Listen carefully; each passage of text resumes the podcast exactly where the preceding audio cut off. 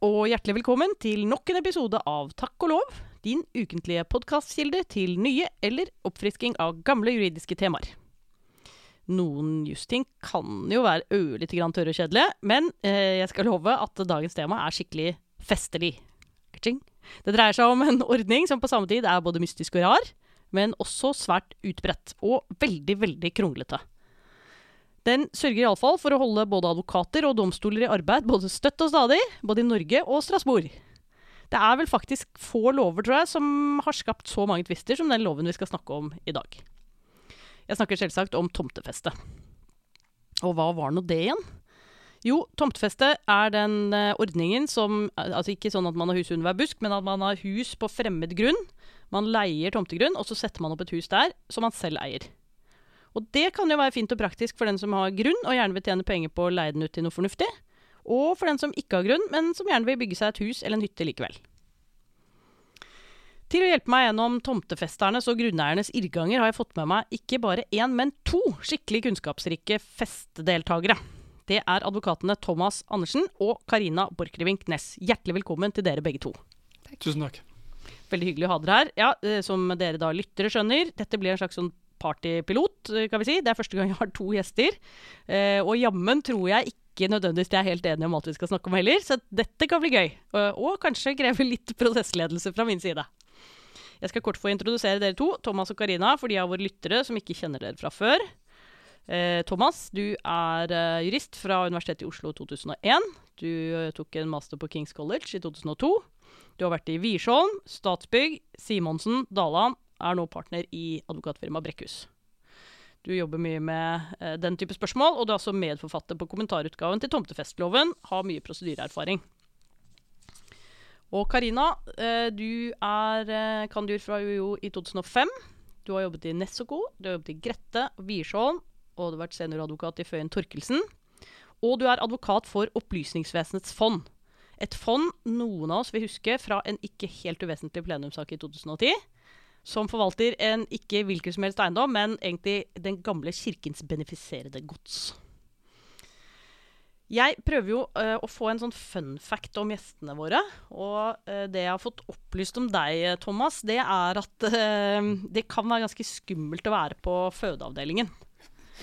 Stemmer dette? Ja, det, det, kan absolutt være ganske skummelt. Ja, For hva skjer med deg når du er på fødeavdelingen av og til?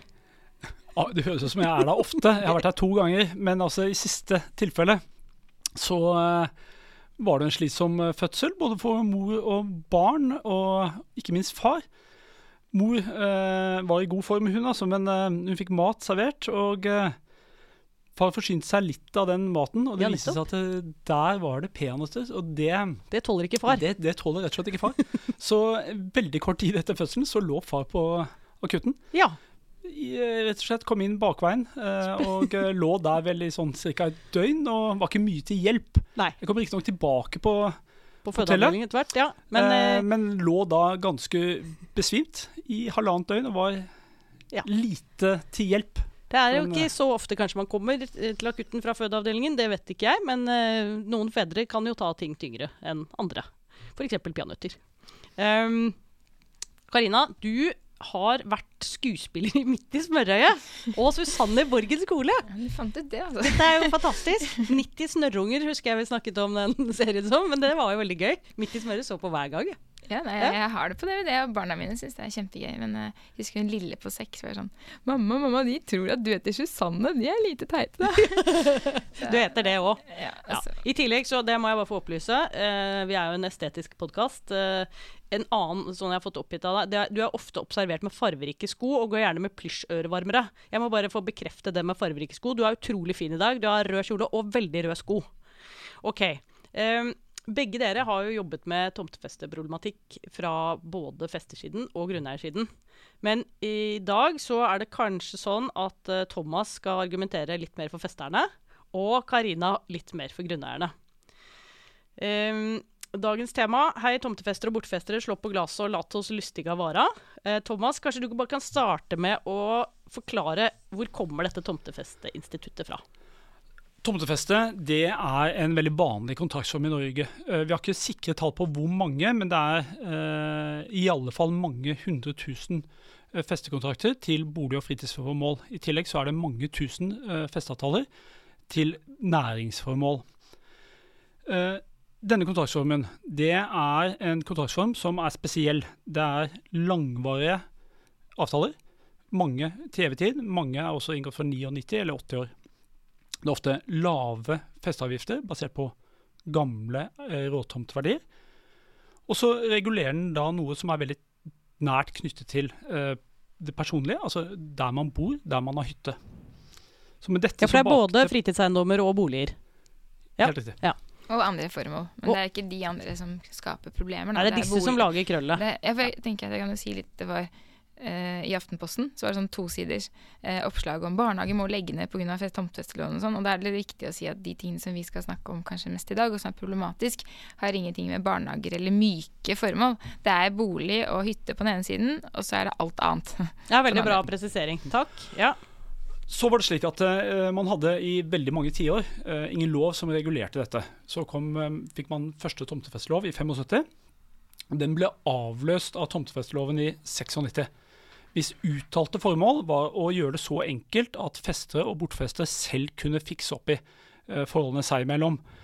Ok, Så du har noen avtaler som folk bare inngår på egen hånd, og så kommer lovgiver inn og sier dette må vi regulere litt for å gjøre det enklere, mer rettferdig, eller Ja, de prøver det på en eller annen måte. De skal balansere et stort antall uh, hensyn, Ja. uh, hvorav retten til bolig er det sentrale uh, virkemiddelet som de har, hvor de Mm. gir da mange bestemmelser til på en måte vern av boligeierne og fritidseierne.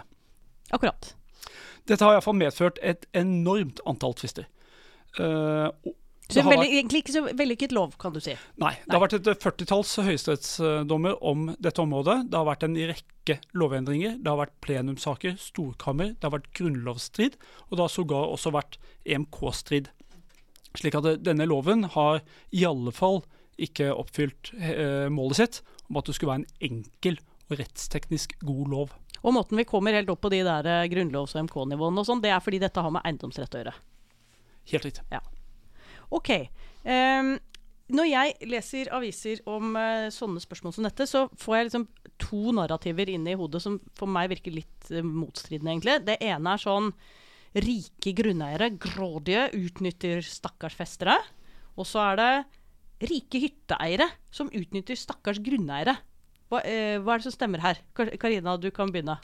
Det kan vel hende at begge deler stemmer, men jeg tror bak disse tabloidene så ligger det vel at de nye eh, festekontraktene kan man vel eh, snakke om kanskje at man kan utnytte eh, festerne.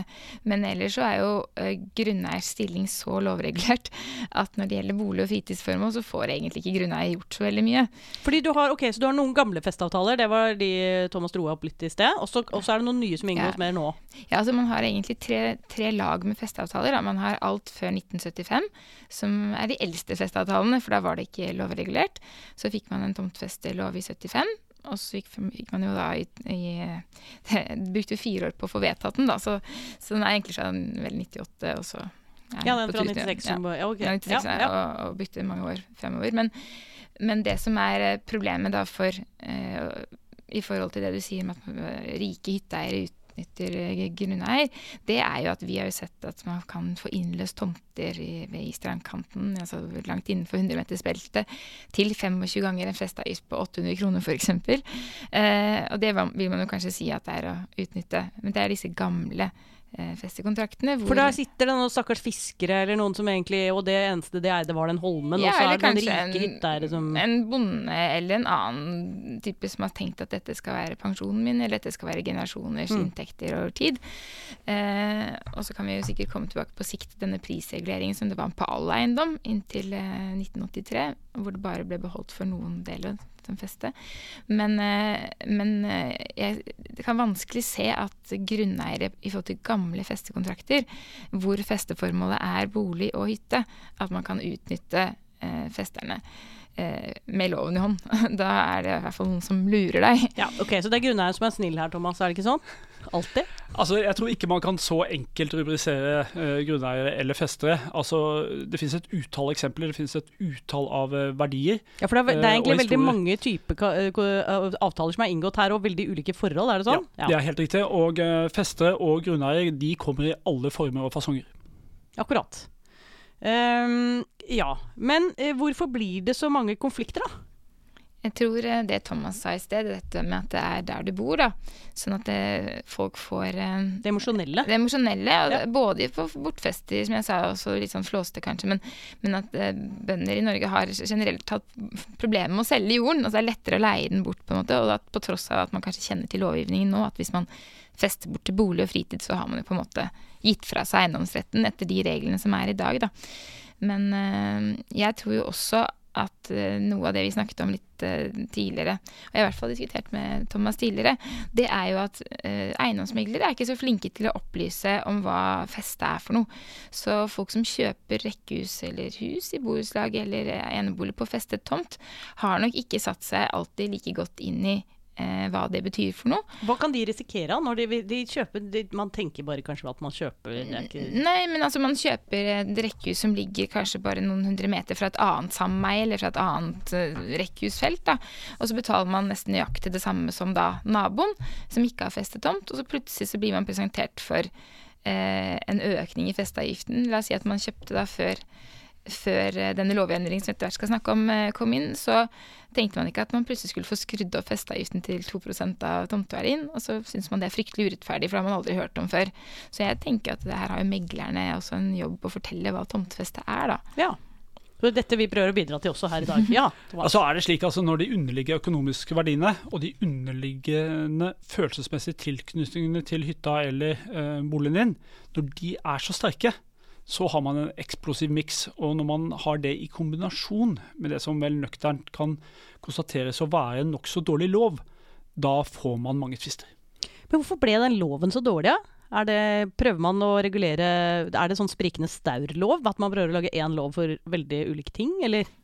Ja, altså Jeg, jeg syns jo kanskje noe av det verste man har gjort, er jo den siste lovendringen vi fikk, hvor man kopierer Når er vi nå i tid, bare? I 2015. Ok, så sent. Ja. Eh, men, men eh, jeg husker eh, en, hun som prosederte den første av disse sakene som etter hvert havnet da i Strasbourg, hun eh, sa til meg da, da vi snakket sammen om at hun syns synd på vi, oss som er advokater og jurister i dag, for at vi må lære oss tomtfesteloven baklengs. Altså Vi må gå bakover for å skjønne hvorfor loven er sånn som den er i dag, mens hun har vært med på alle endringene, så for henne så Ja, er det lettere å, å, å få skjønne. da. Og det er litt sånn, for du kan sitte inne i et forarbeid og tro at du har skjønt det, og så plutselig oi, det har vært to høyesterettsdommer etter det, så nå er det noen nye forarbeider. Uh, så jeg tenker at mye av problemet er eh, at dette er politisk tautrekning eh, i siste time, eh, og at eh, f.eks. Eh, Kåre Lilleholt, som ledet dette Lilleholt-utvalget i 2013-14-15, altså før Mm. lovendringen kom, da, eh, han hadde satt en del prinsipper som måtte være til stede i loven. og eh, da den kom til departementet, så fjernet man jo faktisk absolutt alle forutsetningene han hadde satt for at den ikke skulle være Men de ble igjen der i departementet? De ble igjen i Ja. NOU-en. Ok, akkurat. Ja, Thomas? Og så tenker jeg at eh, Det loven har prøvd å gjøre, det er på en enkel måte å regulere noe som er ganske komplisert. Det finnes et utall av eh, forhold som man har prøvd å lage én felles løsning på. Og det i kombinasjon av at eh, politikerne som sitter på Stortinget, har i siste øyeblikk, og vi ser altså fra forarbeidene at de sitter altså bokstavelig talt siste kveld, siste natt, og gjør endringer, da får man en eh, dårlig lov. Og det er altså årsaken, eh, tror jeg, til at man både har hatt grunnlovsstrid og EMK-strid. Men det som også er morsomt å se på, da, vi skal jo komme tilbake til dette MK og Grunnloven og sånn, men det er jo når politikere faktisk skriver, eller referenten skriver fra arbeidet i komiteen om at bare vi skriver at vi har tatt hensyn til uh, grunneier, så er det greit. Ja. altså, det er litt sånn det, Det er ja. kanskje sånn de gjør med Grunnloven etter hvert også. Bare vi skriver at vi har sett hen til Grunnloven, så er det greit. Det kan hende at prøvingsintensiteten ikke lar seg påvirke av det.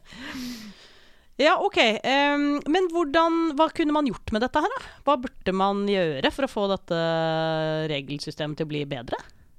Altså, nå har det vært flere forslag om å avskaffe det, helt. Helt bort. Og en måte man gjorde det på, var jo å, å sette ned Det var litt den dommen du var, startet med innledningsvis her. Eh, det var jo å prøve å få i hvert fall statlige festekontrakter og sånn da, til å bli innløst. Ja. Eh, men ettersom Opplysningsvesenets fond f.eks. har 3500 festekontrakter, bare de, og de ikke var omfattet av staten, så lever de fleste av de beste velgående. Det var et eget rettssubjekt, ja. Det, Det var, det. altså, det, var det Ja, som ble litt problemet problem der. Så, Ja. så det har jo, hvis man titter på statistikken, så har det jo ikke vært så mange innløsninger. Det er jo noen, men sånn at eh, jeg tror politikerne tenkte at en måte å gjøre det på, er jo å få innløst disse tomtene. ikke sant? At man får penger for det fra grunneiersiden, og så blir man kvitt det. Men så har det vært politisk eh, enighet om, og særlig fra Arbeiderpartiet, eh, jeg tror også Senterpartiet, så lenge de fikk med landbruksunntaket, som er et annet forferdelig tema innenfor tomtefeste. Ok, dette skal vi sikkert komme tilbake til i senere podkaster. Ja, for den er enda vanskeligere. Ja, så, så tror jeg på en måte at det instituttet er, blitt så vanlig i Norge at man på en måte eh, ser for, Jeg kan ikke se for meg at det blir borte. Jo, ikke borte. Nei, tror jeg ikke. Jeg deler den oppfatningen. altså Så vidt jeg kan registrere, så er det ikke noe politisk ønske om å gjøre noe med dette området. Det er blitt så rettsliggjort, Mm. og politikerne har blitt felt to ganger. Eh, og da tror jeg ikke at man nå ser konturene av en ny tomtefestelov, eller vesentlige endringer i loven. Nå har mange av spørsmålene fått sin løsning. Det gjenstår flere, men altså, hoveddelen av spørsmålene er tatt. Slik at eh, vi går nok inn i en fase nå hvor det er færre av de store og vanskelige eh, prinsipielle spørsmålene. Ok, men eh, vi har allerede foregrepet litt grann at eh, dette spørsmålet også har kommet til Strasbourg. Eh, og det er en av grunnene til at vi fikk den siste regelendringen i 2015, er det ikke det? Ok, hva, eh, hva var det kan, kan ikke dere skissere grunntrekkene i den eh, Det er Lindheim-saken, er det ikke det? Mm. Jo. Hva, hva er kjernen, eller hva er grunntrekkene der? Hvem av dere vil ta den ballen? Jeg tenker at jeg har lyst til å ta den, fordi jeg Og så kan du supplere, Thomas. Jeg ser du gjerne vil. Ja, nei, altså Den startet med det som vi kan kalle Øvre Ullern 1, og det vil si og et par andre saker. Ok, Vi er i noen terrasseblokker Ja. på Ullern i Oslo. Men vi var også på noen steder på Tåsen blant annet, hvor Drillo festet. Ikke sant? Drillo er med i Eh, historien. han Han må med. Han må Men med. eh, jeg tror det som er veldig viktig, at noen kjapt går til at lovendringen eh, som skapte Strasbourg i 2012, og som har eh, skaffet Strasbourg i 2020, det er det som kom, som vi liker å kalle drittpakke til eh, grunneier, og gavepakke til festerne. Det var at man endret på fire ganske viktige eh, lovbestemmelser på en gang i 2004. Okay. Og mange av de andre problemstillingene som nå har kommet opp for retten, de druknet litt i det som kalles forlengelsesretten. Fordi det, det Stortinget gjorde da, det var å vedta en lov som sa etter paragraf 33 at når alle festekontrakter som er tidsbestemt, når de løper ut, så forlenges de automatisk på nytt til samme vilkår. Og Uten det- at noen gjør noen ting? ja, uten at eh, grunneier kan motsette seg dette, og du har bare rett på KPI-regulering. Konsumprisindeks. Så det ble ramaskrik. Eh, så man glemte litt det at man også Det ble, det ble tre høyesterettssaker på én gang da, i 2007, det skal sies. Men det var på en måte forlengelsesretten som på en måte stakk av med antall eh, forsider. Eh, men det var også at man da ikke lenger fikk innløst til ekspropriasjonserstatningspris, altså full erstatning. Og det var også dette takseringsprinsippet, at man verdsatte tomten bare som om den hadde hatt det ene huset. Altså ikke, ikke tomtens potensial eller hvor stor tomten var, men hvor stor bygningene var. Og det har jo kommet mye mer opp i den saken som var for Høyesterett i 2019, som nå står for Strasbourg, som er det som kalles eh, takseringsprinsippet. Så hvis Den- jeg skal den- den kommer vi tilbake ja, til, Så hvis jeg ja. skal oppsummere, så var det da 2004 fire ganske grove lovendringer som jeg kan se fra grunneiersiden, mm. eh, som skapte ramaskrik, og tre høyesterettssaker i 2007, og en av de gikk da til Strasbourg, hvor Norge ble dømt i 2012. Bra. Det er linjesak. Thomas? Og altså, Lindheim gjelder retten til forlengelse på samme vilkår som før. Hmm. Norge ble felt, eh, og Hvorfor ble vi felt? Hva var Altså- høyesterettsbomma òg, da? Ja, det er Ja. helt riktig. Eh, Høyesterett bommet også på det spørsmålet. Og det var sånn at eh, det EMD slo ned på, det var i hovedsak to elementer. Men det avgjørende elementet, det var at lovgiver hadde gitt en for dårlig begrunnelse på hvorfor de hadde kommet fram til denne løsning. En løsning som var inngripende, som på en måte hadde betydning for grunneiersiden. Altså det var noe nær en ekspropriasjon. Du fikk altså rett til å forlenge festet på uendrede vilkår. Den begrunnelsen de hadde gitt, den var ikke godt nok sydd sammen. Så det var et spark til lovgiver. Her må det begrunne og redegjøre bedre for lovene. Og det er jo den grunnleggende sånn begrunnelsesplikten for maktutøvelse som ikke er ivaretatt godt nok. Helt riktig. Ja. Og de hadde i og for seg ikke noe syn på selve retten til forlengelse. Det sa de at det er i utgangspunktet en på en måte virkemiddel som vi ser er hensiktsmessig, og som kan være riktig. Og Så pekte også eh, dommerne på i Lindheim-dommen at eh, den nye festeavgiften den hadde ingen relasjon til nåværende eiendomsverdi, og at det var et stort gap mellom festeavgiften, den årlige festeavgiften og den underliggende eiendomsverdien. Og på den bakgrunn så ble Norge felt. Men altså hovedessensen, slik jeg leser dommen, men det er det øh, uenighet om, det er altså manglende øh, begrunnelse fra lovgivers side. Ok, men, eh, hadde man, hvor, hvor godt hadde man vurdert spørsmålet opp mot den For det er jo en eiendomsrett i Grunnloven, men så er det også en eiendomsrett i EMK. Hvor godt hadde lovgiver og Høyesterett vurdert det forholdet? Altså Eller- Det enkle svaret er jo at de åpenbart hadde gjort det for dårlig. ja. Men, Sånn men var det rimelig bra, eller var det sånn helt nesten bra? Ja, altså, Høyesterett ble jo kledd av av EMD. Det, sto det er at, eh, kjedelig hvis de- man ikke har noe under kappen. Det sto Ja, det vet jeg ikke noe om, men det de, de, det står i dommen faktisk rett ut at det er prisverdig og hyggelig at uh, norske dommere tok seg bryet nærmest med å vurdere EMK, men de har vurdert den feil. og så har de brukt en James mot Storbritannia-dom som verken gjelder dette problemstillingen som de hadde i denne saken, og den dessuten er den foreldet. Det har kommet en mer nyere praksis Ok, så de gjør sånn litt sånn som. Høyesterett av og til gjør til Stortinget. Sånn artig at dere har prøvd å vurdere dette her, Stortinget, men eh, det er feil norm. Så vi går videre. Ja. Og Dette ser man også tegn til i det påfølgende lovarbeidet. Det ble jo satt eh, ned et eh, utvalg som skulle se på dette, her, og det ble gjort et stort arbeid fra departementet og lovgivers side.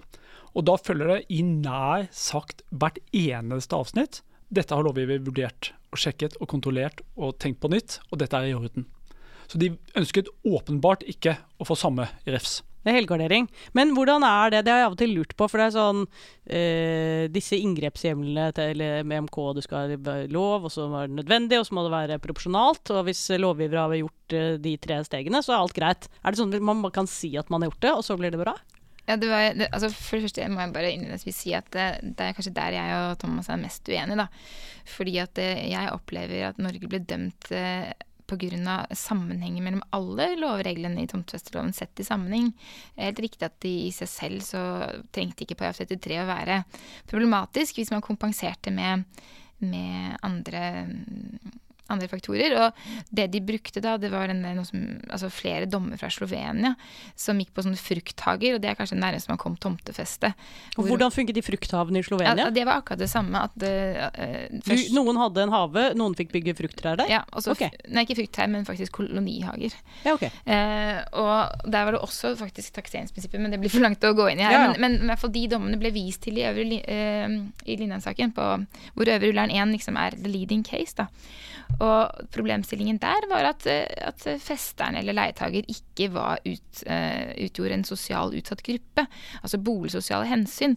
For det er jo noe av det jeg opplever er den store problemstilling. Eh, Altså, I siste avsnitt så sier eller en av de siste avsnitt så sier EMD at det, det er eh, sammenhengen mellom alt det vi nå har sagt, som gjør at dette er en breach. Eh, og blant annet så var det at hele samfunnsutviklingen gikk til den ene siden. Det var ikke eh, boligsosiale hensyn nok til å ha okay, har en- generelle regler. Og så var det at man ikke hadde vurdert bortfesters interesse. Og så var det eh, at man ikke kunne avslutte kontrakten, at det var bare ene parten som skulle det. Eh, og så var det ja. Så det, var- det, var, det var en fem, seks, syv punkter som eh, Men det man, det det. man egentlig sier her, det er at eh, ok, det er greit, det er staten. Dere har prøvd å gå inn og regulere et system her, men, men det som er problemet med den reguleringen dere har laget, det er at det slår øh, veldig dårlig ut i én retning. ja, At altså, noen får liksom nyte godt av verdistigningen eller måten samfunnet ellers har utviklet Ja, eller den ene. Altså, det, det sier at det er en, er ene parten altså det, er, det er ikke fair balance. Altså, det er ikke balanse mellom de eh, det, det grunneiet må yte i forhold til eh, fester. Da. Eh, og, da, og da er de veldig opptatt av dette her med altså I utgangspunktet så er dette her et inngrep. Og så er det spørsmål om inngrepet er balansert. ikke sant? Og da, hvis det skulle vært balansert, så måtte man gjort noen virkemidler som hadde gitt grunneier noe. sant? Det, det, det skinner på en måte gjennom her. da. Eh, og da er det, hvis man har boligsosiale hensyn, som er sånn eh, som i de andre mm, sakene for EMD, hvor det er kommuniststater som skal prøve å skaffe bolig til, eh, til en helt annen type befolkning enn den som er på Øvre Ullern f.eks., eh, så eh, mente de at at Norge kunne ikke skape sånne generelle regler eh, som da eh, slo ut så hardt overfor grunneiere når faktisk ikke behovet for subsidier privat var der, da. Thomas? Så var det altså sånn at eh, Bakgrunnen for tvisten det var festers rett til å forlenge på samme vilkår som før. Mm. Og så gjorde da lovgiver det arbeidet eh, som de på en måte måtte gjøre. Og så fant de ut at eh, ok, vi justerer reglene slik at vi, vi tar en fot i bakken.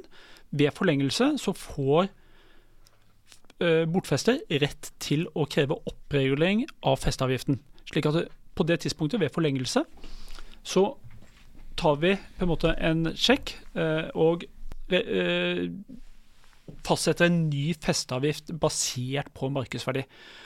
Men, og er det det spørsmålet som på en måte vi nå eh, står i EMD med, det er dette taket man også eh, bestemte at man skulle ha. For det var slik at eh, lovgiver eh, så fremdeles likt på behovet eh, og ønsket om å beskytte eh, boligeierne, altså de boligsosiale hensynene. Og så sa man ok, av den grunn så på en måte skal ikke festeavgiften gå i taket. Vi må begrense den til 9000 kroner per dekamål. Mm. 2003-kroner. Og det er det som nå øh, så, øh, OK, så øh, vi får Lindheim, vi får regelendring. Eh, og så kommer det en ny sak som du har nå klart å klage inn til Strasbourg, er det sånn? Ja. Ja. Og det Høyesterett var eh, åpenbart da ikke enig. Ja, altså jeg fikk Jeg ble slaktet uh, i tingretten og i lagmannsretten. Uh, og Høyesterett berørte vel egentlig veldig lite av det vi um, Det vi på en måte kom med. Altså de var De turte nesten ikke å gå inn i materien, og det er kanskje noe av det mest uh, Hvilken materie er det? Hva, er det? Og det er den delen som nå står for EMD, ja, eller? altså hvis, hvis man tenker på at uh, vi bare eh, hvis man- helt kort ja, å redegjøre for den? altså, Ja. Lovendringene kom i 2004, så fikk man Lindheim i 2012, så fikk man lovprosessen i 2015, og, eller fra 2012 til 2015. Da fikk man en ny lov om eh, oppregulering til 2 med tak. Problemstillingen var at eh, takets størrelse, det var tatt man, man vurderte ikke tomteprisene i dag, så man tok det samme taket som man Det er nemlig et gammelt engangsløft også, som jeg ikke tror vi skal snakke om, for da blir det veldig vanskelig. Vi må ta det helt Men, men det det. var fra 2000-tallet. Og det at man brukte samme beløp i 2015 som man brukte liksom 15 år tidligere, uten å vurdere det, gjorde at taket ble relativt lavt i byer. Slik at eh, Oslo og Bergen og ja, Stavanger kanskje, og en del andre steder, så vil det per definisjon aldri føre til at grunneier får noen økning i det hele tatt, dette taket.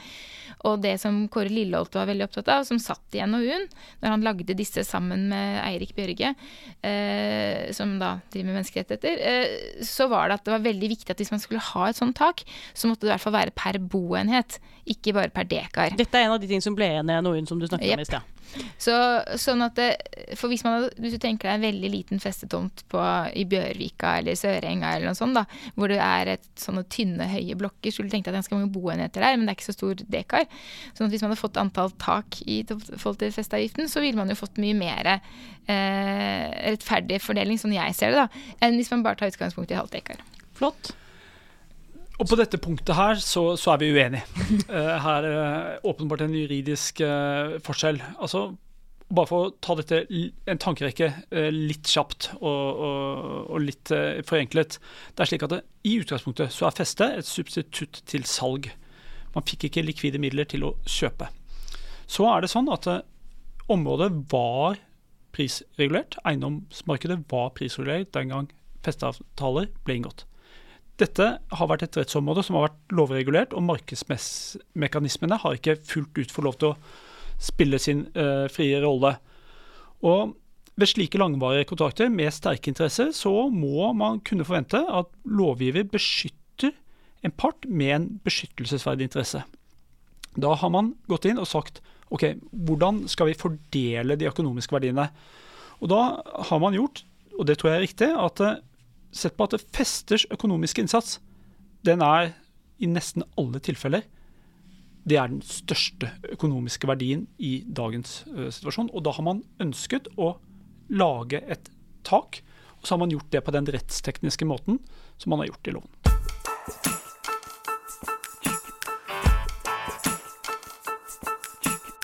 Ja, da sitter jeg igjen da, Torbjørn. Femte episode i podkasten vår. Mm. Mm. Og vi er minst like entusiastiske som vi var for et halvt år siden, da vi startet. Jeg vil si at det er en stigende kurve, faktisk. Absolutt. Ja. Og det er det også blant lytterne. Det legger vi merke til. Absolutt. Og hvem er vi? Bare veldig kort. Sturla Torkelsen jobber i Universitetsflagget.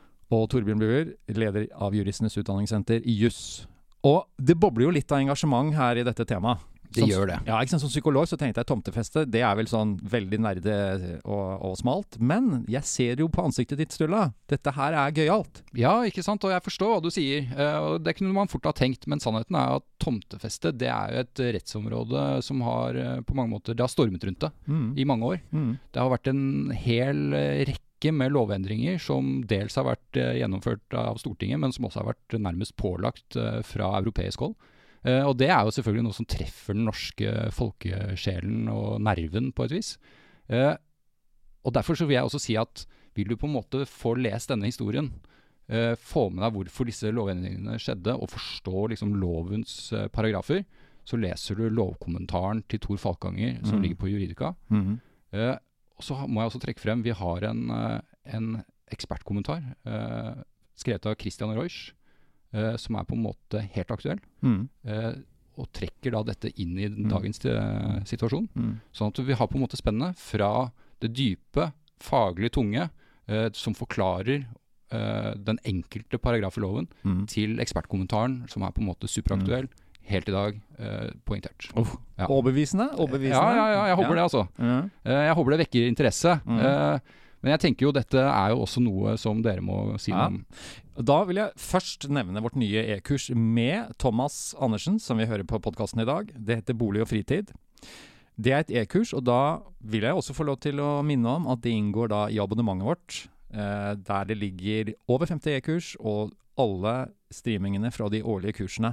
Og Når det gjelder akkurat de årlige kursene så, og tomtefeste, så er det jo viktig å si at her har vi jo da det årlige kurset innen bolig- eiendomsrett, plan- og bygningsrett og eiendomsmekling for advokater. Så det er et ganske fint knippe med kurs som du kan nytte deg av opp mot tematikken tomtefeste. Mm. Så til sammen her har vi ganske en bra pakke, syns jeg, Sturla. Ja, jeg tenker det. Vi utfyller hverandre godt her, altså. Mm. Uh, og det syns jeg jo vi gjør. Mm. Absolutt. Mm. Så det å hente litteratur, og det å berike seg ved å bruke kurs og den type ting, det gjør deg bedre i jobben. Det kan vi si. Jeg tror det, og jeg tror også det vil vekke engasjement. Så hvis noen av lytterne som hører på nå blir skikkelig engasjerte, kan du ikke gå inn på Juridika og legge igjen en engasjert tilbakemelding til oss Ja. eh, der? Eller så kan du jo sende en e-post til dere, Torbjørn. Juspost at juss.no. Gleder oss til neste episode.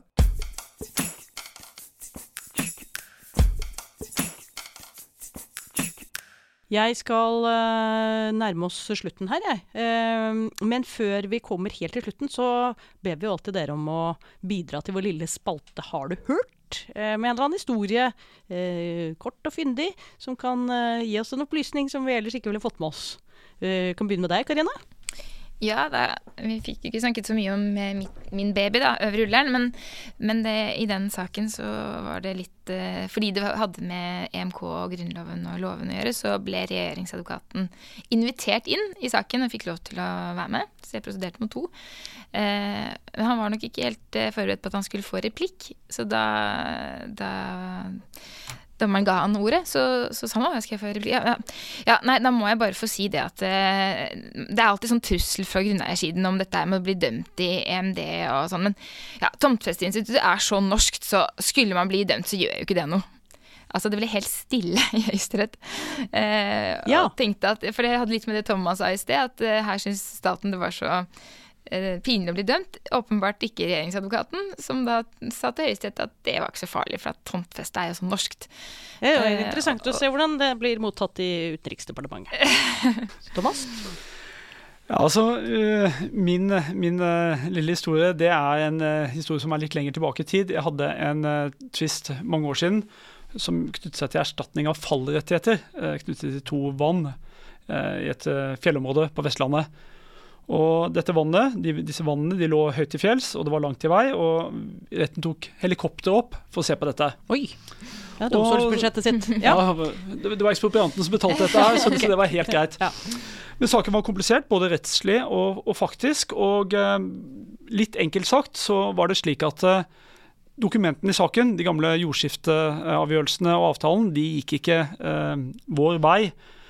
Men så sto vi der eh, oppe på fjellet, og så var det altså min klient, en gamle hedersmann, fjellgeit, noen og 80 år, skulle forklare seg. Og han sto der, og med en liksom tydelig, klar stemme så sa han her sto jeg med min far og min fars far, og da fortalte min fars far at eh, da gikk eiendommen sånn sør, sånn vest, ditt øst og ditt nord.